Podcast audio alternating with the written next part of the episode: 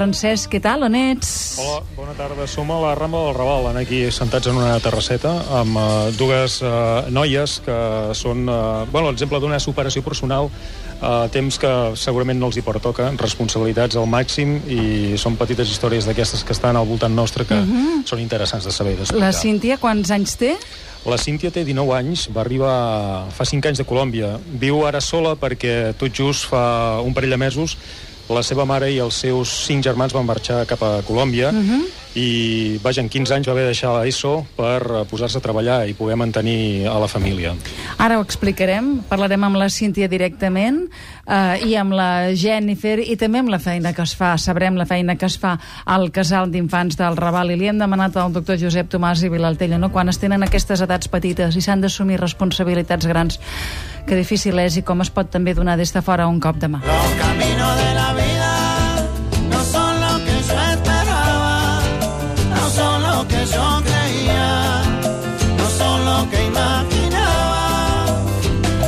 La Cíntia la tens aquí, Francesc. Ah, doncs sí, la, sí que la tinc aquí davant meu. Uh mm? -huh. La Cíntia és una noia que ara té 19 anys, com dèiem abans, que va venir que en tenia 15 i que, vaja, la seva vida ha estat bàsicament eh, fins ara marxar d'una casa a una altra perquè no podien pagar fins que es van trobar al carrer.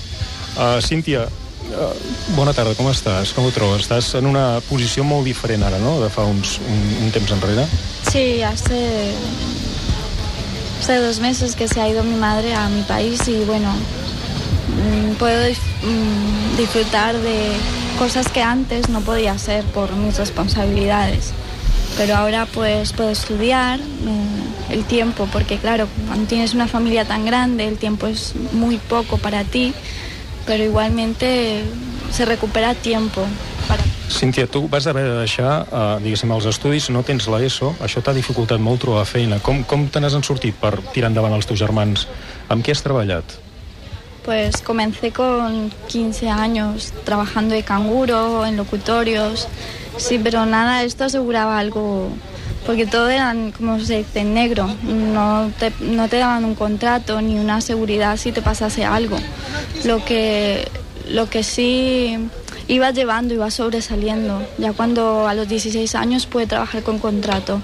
Y esto fue, pero igualmente, aún así sin, sin estudios, y esto es muy difícil. és molt difícil salir adelante perquè sempre te lo piden. Cíntia, sóc Sílvia, eh?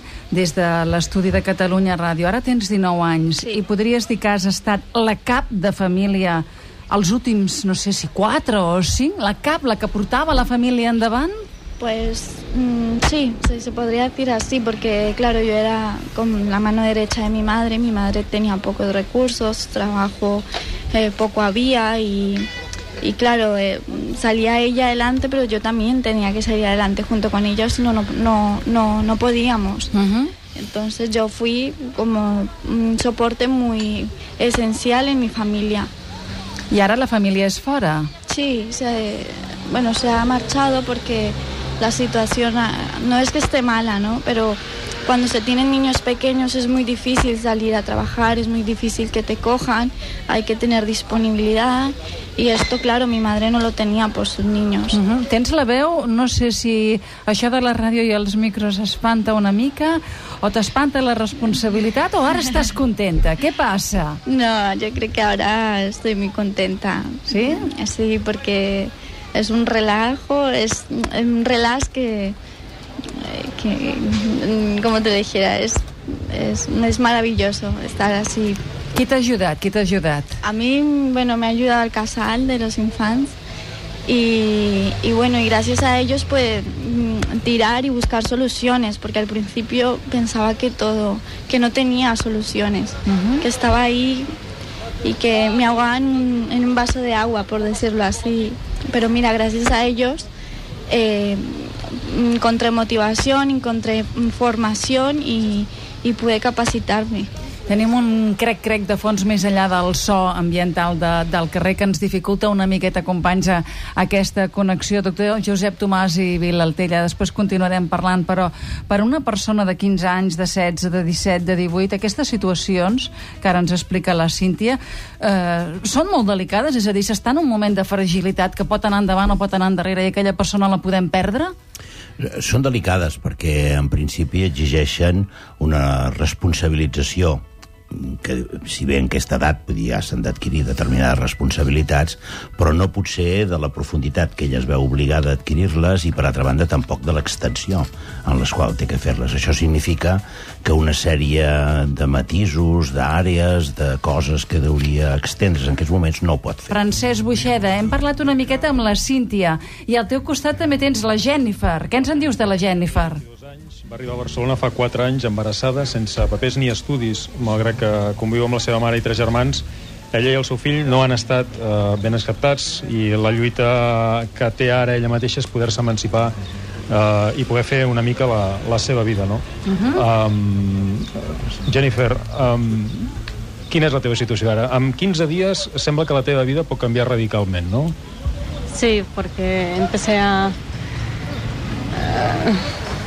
a comenzar las prácticas que empecé en, en el Casal Infants. He empezado a hacer un, un- Ayer mismo fui a dar un examen de grau mitjà y bueno, me salieron los papeles. Uh -huh. És amb nosaltres, amb vosaltres, vaja aquí al casal, la Fina Pérez, que és educadora d'aquest projecte. Bona tarda, senyora Pérez. Què és el que fan vostès aquí per donar un cop de mà també a aquestes noies, en aquest cas aquestes adolescents que han estat, que són caps de família? Com ho organitzen? Hola, bones. Mira, nosaltres som, bueno, soc l'educadora d'un projecte que es diu Entrar en xarxa, d'aquí del Casal dels Infants, i el que fem és atendre a joves de 16 a 35 anys que estan en una situació de risc.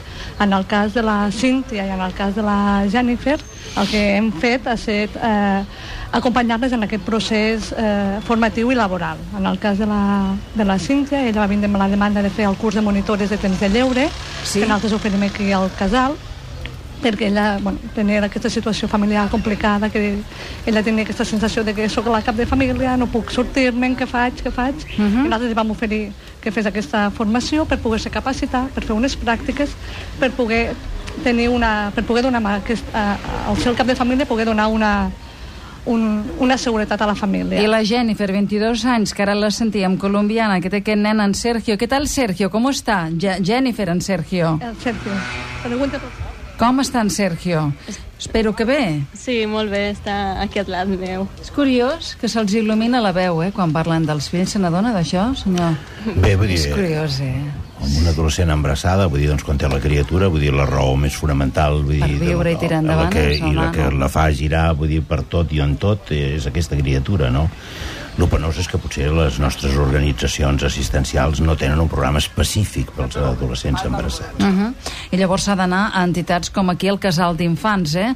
Uh, senyora Pérez, què, què han fet vostès en aquest cas per la Fina? No, per la... Jo, Perdó, per la Jennifer.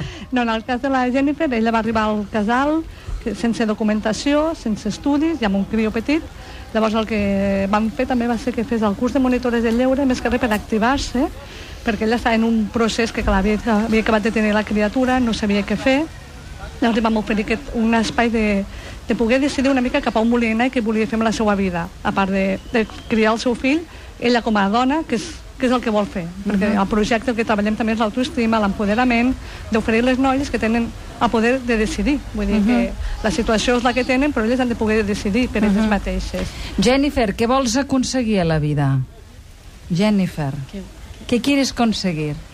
Yo cons- quiero Conseguir. conseguir salir adelante, con- más que todo por mí y por mi hijo.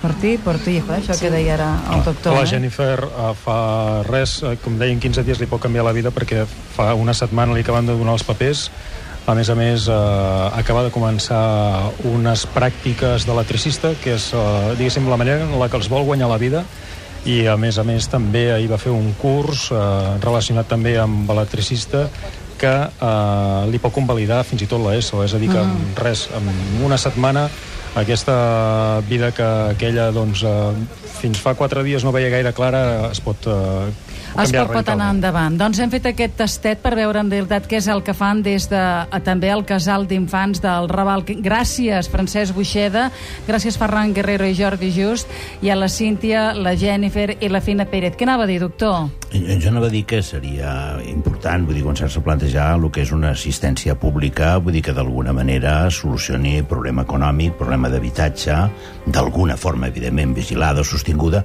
però que d'alguna manera ella no tingui que tenir la sensació que està en situació de caritat, no? Uh -huh. Que no tingui la situació de que està en situació de caritat, és a dir, que se la faci autònoma i es pugui Tot el que sentir... significa com a procés eh? d'autoestima, vull dir, o sigui, d'alguna forma no és Clar. el mateix, vull dir, o sigui, doncs, jo sóc un ciutadà, vull dir, que rep una cosa que tinc dret, si resulta que em donen una cosa, vull dir, perquè d'alguna forma s'apiaden de mi, no?